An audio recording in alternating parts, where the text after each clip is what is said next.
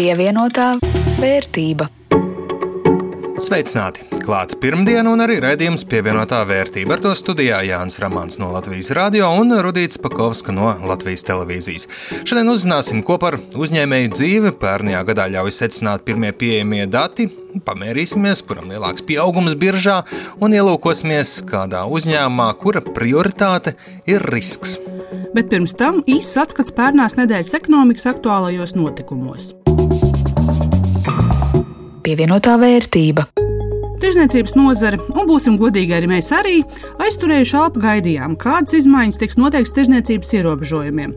Protams, liegums tirgot noteikts preču kategorijas fiziskajos veikalos nozīmē, ka gan veikalnieki, gan pircēji strauji apguva digitālo tirzniecību, bet agri vai vēlu mazliet apnīk katru superlīmīti vai zeķu bikses pirkt internetā. Tur bez pārsteigumiem. Sarakstu nedaudz papildināja ar, piemēram, cimdiem un zeķibiksēm, bet pilnīga tirzniecības brīvlaišana, uz ko cerēja un ko lobēja tirgotāji, nenotika. Ņemot vērā joprojām visai šausminošo covid izplatību Latvijā, būtu brīnums, ja mums ļautu atkal doties uz veikaliem iepirkšanās stūrēs. Epidemioloģiskā situācija Latvijā un ierobežojumi parādās arī decembra uzņēmējdarbības noskaņojuma rādītājos. Būvniekiem un rūpniekiem noskaņojums nedaudz sliktāks nekā mēnesi iepriekš, bet mazumtirdzniecībā un pakalpojumu sektorā melns pesimisma vilnis. Piemēram, degvielas mazumtirgotājiem noskaņojums šobrīd ir pesimistiskāks nekā iepriekš finanšu krīzes laikā. Arī ēdināšanā, izmitināšanā un turisma nozarē praktiski ar uguni nesameklēs uzņēmēju, kuram liktos, ka dzīve uzlabojas. Te vietā būtu valsts atbalsts, un tas tiek solīts katru reizi izsludinot jaunus ierobežojumus. Bet bijušais finanšu ministrs, tagad Latvijas Bankas padomas loceklis Andris Vilks, norādījis, ka šobrīd izskatās, ka Latvija pandēmijas pārvarēšanai būs tērējusi divas reizes mazāk nekā vidēji Eiropas Savienībā. Un pēc Vilka teiktā, tikai maza daļa naudas sasniegus mājasēmniecības un konkrētus cilvēkus. Neraža arī pasažieru vilcienam. Eiropa neļāva pārdalīt naudu dīzeļvilcienu iegādēji, arī valsts budžetā tam naudu neatrada, un līdz ar to astoņu jaunu dīzeļvilcienu mums nebūs. Jaunie elektrovilcieni gan būšot tur, viss ejot kā paredzēts, un pirmie Škoda vagonka elektrovilcieni varētu tikt piegādāti jau nākamgad. Savukārt, kā šīs nedēļas un potenciāli gada atzimšanu nominēja Dzinteru. Uzņēmuma juridiskais nosaukums būs HA Brīger, bet ražojot kosmētiku, tiks lietots zīmols dzintars. Vai tur nav strīds par to, kam īsti pieder preču zīme, pašam maksāt nespējīgajam uzņēmumam vai tā īpašniekam Iljam Gerčikovam? Jā, strīds ir, bet tā kā brīgeri esot nopirkuši preču zīmes un tam piekrituši arī visi kreditori, produkcija ar zīmolu dzintars drīkst tapt. Dzintara augšām cēlāja pulkā ir Igaunijas miljonārs Oļegs Osinovskis, un kā sola uzņēmuma otra līdzīpašniece Anastasija Udalova, dzintara kosmētika veikalos nokļūšot jau martā. Un vēl viens covid upuris ir ēnu diena. Šogad februārī tā nenotiks, jo situācija pārāk neprognozējama un laist bērnus uz darba vietām bariem varētu būt pārāk liels risks. Pievienotā vērtība. Svētku rotājumi lēnām pārceļo atpakaļ uz skapjaugšām, un gadu mejā pārsteidzīgi doties solījumi par strauju dzīves mainīšanu arī sāk aizmirsties. Bet, nu, pamazām tiek apkopoti dati, kas ļauj paskatīties, kāds ir bijis 2020. gads, un par to, kāds tas ir bijis uzņēmumiem, nu, vismaz pēc tā, ko mēs zinām jau tagad, pāris dienas pēc gadu mijas, uz sarunu aicināja Daigu Kijo, Plursoft valdes locekli. Viņas teiktā īsts kopsavilkums. Ļoti slikti, iespējams slikti, Kā parasti, šis tas labāk nekā cerēts, un šur tur cerības bijušas veltas. Ļoti slikti tas par jaunu uzņēmumu dibināšanu. Skatoties uz šo uh, statistikas rādītāju, ir redzams, ka tas ir zemākais pēdējo 17 gadu laikā, tas savā ziņā korelē arī ar to, kad uh, iestājās šie pandēmijas apstākļi, proti Pagājušā gada sākums, janvāris, februāris izskatījās ļoti optimistisks, jo faktiski jauno reģistrēto uzņēmumu skaits bija salīdzinoši labs, jeb līdzvērtīgs 2019. gadam, un tad jau martā mēs redzam šo te lejupslīdi, un aprīlī jau pavisam šis rādītājs nokrita par 50% zemāks kā gadu iepriekš. Nu, ja. Tad maijā, jūnijā pakāpeniski, pakāpeniski tas jaunreģistrēto uzņēmumu skaits ir pieaudzis.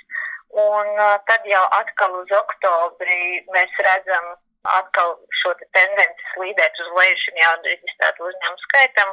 Decembrī tie bija 676 jauni reģistrētu uzņēmumi. Ailītē labāk nekā cerēts var likt to, ka no vairāk nekā 9300 cilvēku, kas dibinājuši uzņēmumus pērngad, lielākā daļa dibinājuši savu pirmo uzņēmumu. 51% gadījumu, nu, tas ir nedaudz vairāk kā puse, šis ir bijis personas pirmais uzņēmums. Tā kā arī tādi, kuriem nav līdzinājuma pieredze, nu, esot uzņēmē darbībā, ir uzdrošinājušies un pērnajā gadā uzsākuši uzņēmē darbību. Ja salīdzinu to ar 2019. gadu, tad šis rādītājs bija tomēr nedaudz augstāks, gandrīz 54%, bet tomēr jāatzīst, ka arī 51% ir gana labs rādītājs. Signāli par to, ka iespējams ne visticamāk ir slikti, ir par uzņēmumu apgrozījumu. Protams, šeit daudz kas atkarīgs no nozares, kurā uzņēmums strādā, jo Covid krīze nav bijusi vienlīdz nežēlīga pret visām nozarēm. Daigi Kijop, Nulusaft. Secinājumi ir tādi, ka daudzi uzņēmumi faktiski savos vadības ziņojumos norāda, ka viņiem nāks optimizēt izmaksas un viņi ekonomē uz vairākām pozīcijām. Vienu no virzieniem saskatot perspektīvu arī kaut kādās digitalizācijas jautājumos, bet uh, prognozē arī apgrozījuma kritumu. Tu mēs redzam arī vairākos atbalsta mehānismus, ka šis apgrozījuma kritums daudziem ir lielāks par 30%, attiecīgi tādēļ startē uz valsts atbalstu. Stabili turējies kopējais ārvalstu investīcija apjoms Latvijas uzņēmumos, bet cerības, ka politiskās situācijas nestabilitāte nozīmēs Baltkrievijas investīciju pieaugumu Latvijā, pagaidām nav piepildījušās.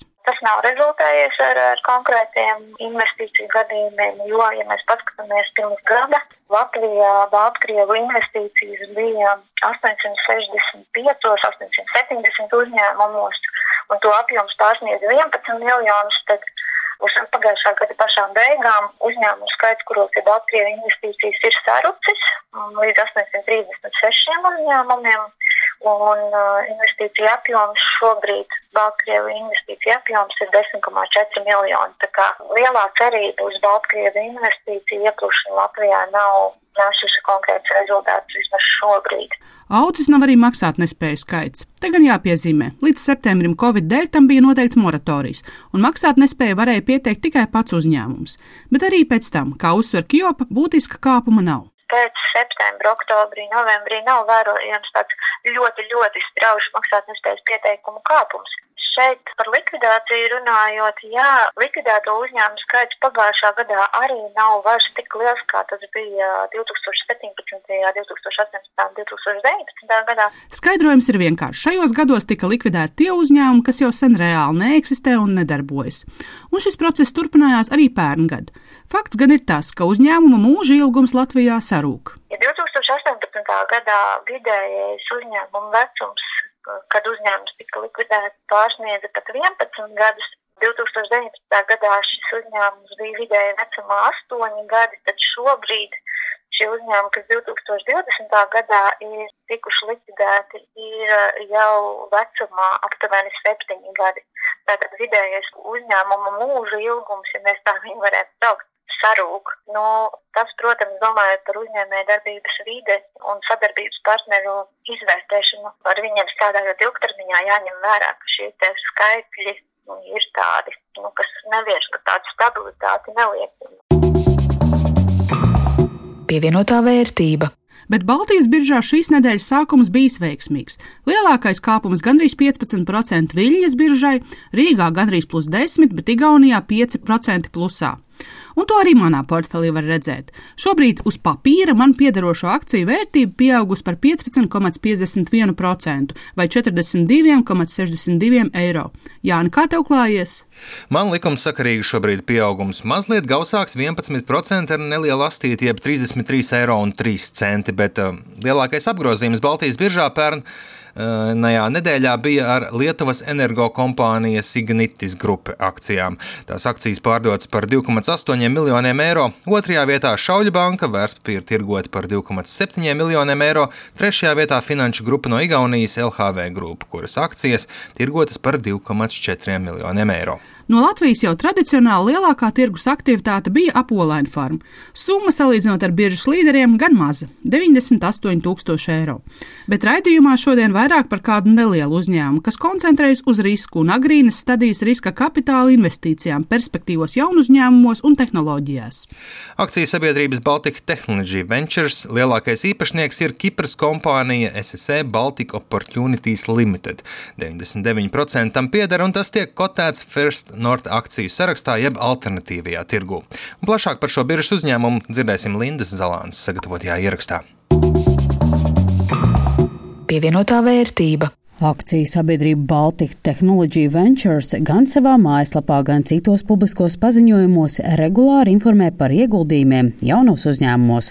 Pēdējā laikā šis uzņēmums piesaistīs to cilvēku uzmanību, kuri regulāri apmeklē Baltijas biržas mājaslapu, jo šī kompānija ierindojas starp tiem biržas dalībniekiem, kuriem ir straujākais akciju pieaugums. Baltic Technology Ventures zem lupas aplūkoja uzkrājumu un ieguldījumu eksperts Kaspars Pēcinieks. Ja mēs paskatāmies uz akcijas cenu, tad eh, viena gada laikā tā ir pieaugusi par 1140%, kas ir ļoti iespaidīgs pieaugums. Tomēr, ja paskatāmies uz notirgoto akciju skaitu, tas ir neliels un eh, kopējā notirgoto akciju vērtība ir eh, niecīga. Piemēram, pērnā gada oktobrī tika notirgotas 20 tūkstoši akcijas par cenu 7,5 centi par vienu akciju, par kopējo summu pusotras tūkstošas eiro. Un uh, lielākais vienas dienas apgrozījums bija pagājušā gada 28. decembrī, kad tika notirgots 18,000 akcijas par kopējo summu 4400 eiro. Var secināt, uzņēmuma akcijas ir ļoti nelikvīdas un pat uh, neliela tirdzniecības darījumi cenu būtiski izmaina. Uzņēmuma tirgus kapitalizācija ir vien 5,13 miljonu eiro, un tas tiek tirgots alternatīvajā sarakstā. Kaspars Pēcinieks teica, ka aplūkojot uzņēmuma finanšu datus var nākties piedzīvot vilšanos, jo 2019. gada pārskatā nav atrodama gandrīz nekāda paskaidrojošā informācija par uzņēmumu. Uzņēmuma aktīva kopējā vērtība ir 600 eiro, nevis 1000 eiro, bet tiešām 600 eiro, un tas ir piedzīvojis 7700 eiro zaudējumus. Vēl pārskatā minēts, ka sabiedrība meklē un izskata piedāvājums par akciju daļu pārdošanu potenciāliem klientiem. Tā var secināt, ka uzņēmums ir bijis tukšs čaula bez pamatdarbības. Tomēr sešus mēnešus vēlāk, kad uzņēmums publicēja sešu mēnešu pārskatu, bilance pēkšņi pieaugusi līdz 73 miljoniem eiro, un par šādu summu novērtēti nemateriālie ieguldījumi un tikpat liela daļa arī pretējā pusē ilgtermiņa kreditoriem. Ja aplūko naudas plūsmas pārskatu, tad bilde netop skaidrāka. Nu, ja neskaita šos lielos divus darījumus 73 miljonu apmērā, kuri viens otru savā veidā nosedz, tad uh, uzņēmums vēl ir saņēmis 10 tūkstošu eiro aizņēmumu, nu, kurš visticamāk ir izlietots, lai nodrošinātu izmaksu sekšanu un lai uzņēmums varētu turpināt pastāvēt. Un pašā pārskatu beigās tiek minēts, ka uzņēmums 20. gadā ir noslēdzis intelektuālā īpašuma nodošanas līgumu, kas visticamāk arī ir pamats šim lielajam apmēram. Vēl no publicētās informācijas var secināt, ka uzņēmums ir saņēmis kredītlīniju no Šveices uzņēmuma maksimums kapitāla 500 tūkstoši eiro apmērā pagājušā gada maijā, taču pusgada pārskatā nekas par to neliecina. Šobrīd uzņēmums ir izsludinājis otrreizējo publisko akciju piedāvājumu, un tas nozīmē to, ka uzņēmums izlaidīs papildus jaunas akcijas, šādi cenšoties piesaistīt papildus kapitālu uzņēmuma darbībai.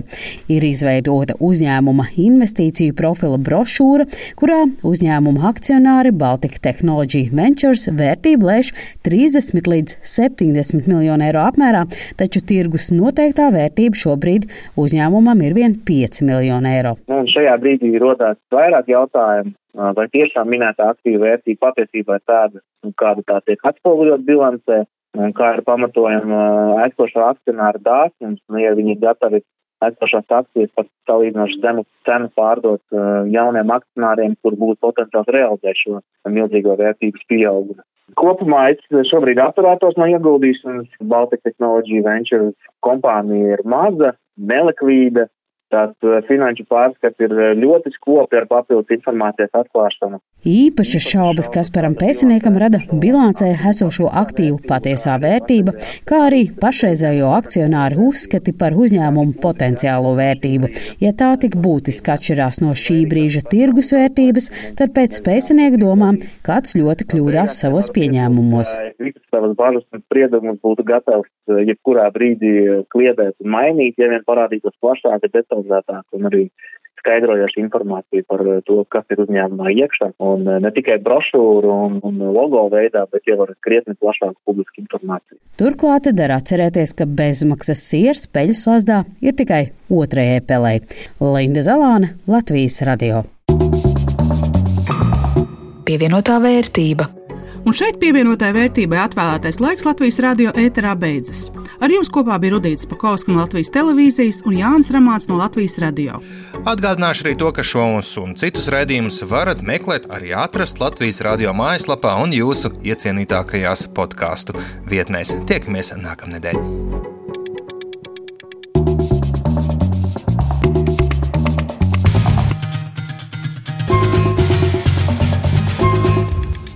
Pievienotā vērtība.